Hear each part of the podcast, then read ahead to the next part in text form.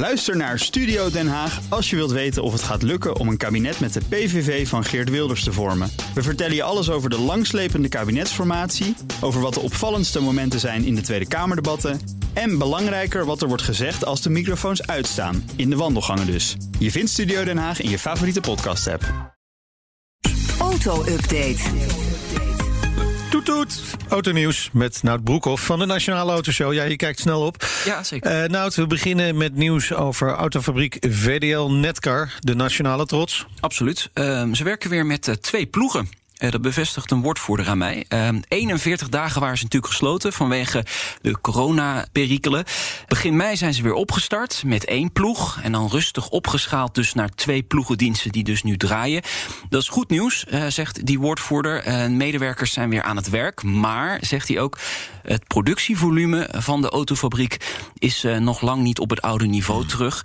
En dat komt vooral door de vraag naar nieuwe auto's. Je moet het zo zien: VDL Netcar bouwt alleen auto's die ook echt besteld worden. Dus ja, als de vraag uh, afneemt, dan ja. heb je een probleem. Ja, duidelijk. Dan gaan we door naar Porsche. Ja, Porsche heeft de Cayenne uh, GTS onthuld. Uh, belangrijkste nieuws is eigenlijk, dus dat hoef je alleen maar te onthouden, Meindert, geen V6-motor meer. Oh. En dan denk je, oh, dat wordt een viercilinder. Nee, een V8. Oh. 4 liter groot, 460 pk, plus 20 pk dus. Hij is sneller dan zijn voorganger.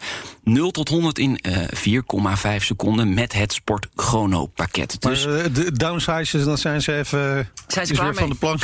Dit werd eigenlijk al aangekondigd door, de, door, door volgens mij de ontwikkelingsbaas van Porsche. Die zei: nee, wij gaan niet downsizen, wij gaan uh, juist uh, motoren groter maken. Daar was een heel argument voor. Dat ben ik nu even vergeten. maar ze, ze zijn gewoon zuiniger. Ja, dat zal best. Dat zal best. Ja, uh, tuurlijk.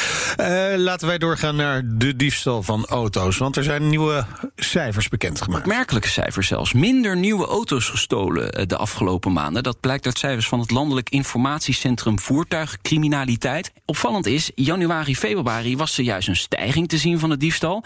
Maar sinds de intelligente lockdown, dus dat is maart, april, mei, is er juist een daling te zien. Tot wel 6,6 procent in mei. Hoe kan je dat verklaren? Waarschijnlijk minder de nieuwe werken vanuit huis en dat is toch lastig. Thuiswerken is heel stelen. lastig als je een auto wil stelen, ja. dat klopt inderdaad. Nou ja, je hebt tegenwoordig wel hele geavanceerde technieken. Hè, maar dat, dat moeten we niet vergeten. Nee, um, de verklaring is minder nieuwe auto's verkocht. Dat zijn uh, ja, eigenlijk toch de auto's die die uh, criminelen willen ja. hebben.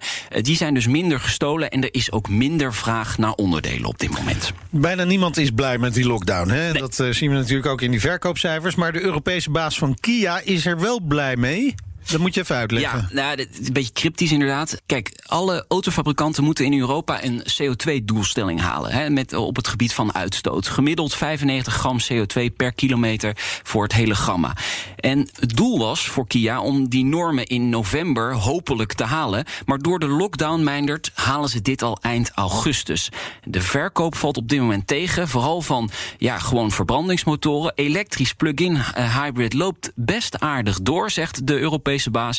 Dus is het gewoon makkelijker voor Kia om uh, de doelstellingen te behalen. Dus de lockdown heeft gewoon positief effect. Oké. Okay. Uh, ik zag gisteren een uh, Bentley Bentayga wegstuiven bij het stoplicht. Ja. Die was hard onderweg naar de garage. Het zou zomaar kunnen, ja. Ja, de, de Bentayga wordt wereldwijd teruggeroepen. Beest van een auto. Nou. Hè? Je hebt hem een keer gereden ook, ja. ja. Ik zag hem toen hierboven staan. Ja, ongelooflijk. Ja. Mensen dachten dat er een uh, zonsverduistering was toen ik de straat in reed. Mooi. Uh, ook een opvallend kleurtje had die Bentayga. Maar goed, uh, 6000 Bentayga's moeten terug. Dat is een kwart van de productie. In Europa gaat het om 783 auto's. Vanwege brandgevaar oh. heeft te maken met de brandstofleiding. Daar is een ontwerpfout in ontdekt. die brandstof je kan lekken daaruit. Ja, dat wil je natuurlijk niet. Bentley zegt er zijn geen incidenten gebeurd en er zijn nog geen gewonden gevallen. Goed, gaan we nog kort naar vanmiddag om drie uur een vers autoshow. Nou ja, we hebben het eigenlijk ook al in deze auto-update over. De verkoop van nieuwe auto's valt natuurlijk heel erg tegen vanwege de coronacrisis. Zou een slooppremie voor oude auto's ervoor kunnen zorgen dat Nee. nieuwe auto's weer verkocht worden? Daar gaan we vanmiddag eens even wat langer over hebben. En we moeten het ook over de beurskoers van Tesla hebben. Want dat was wel groot. 1000 dollar. 1000 dollar is nu alweer wat gezakt. Oh. Het bedrijf is 180 miljard euro waard. Bizar. Dankjewel, Nout. Vanaf drie uur de Nationale Autoshow. Uiteraard terug te luisteren via bnr.nl of via je favoriete podcast-app. De BNR Auto Update wordt mede mogelijk gemaakt door Lexus. Nu ook 100% elektrisch. Ook Harm Edens vind je in de BNR-app. Je kunt BNR Duurzaam niet alleen live luisteren in de app, maar ook terugluisteren als podcast, zoals al onze podcasts. En naast dat de BNR-app Breaking News meldt, houden we je ook op de hoogte van het laatste zakelijke nieuws. Download nu de gratis BNR-app en blijf scherp.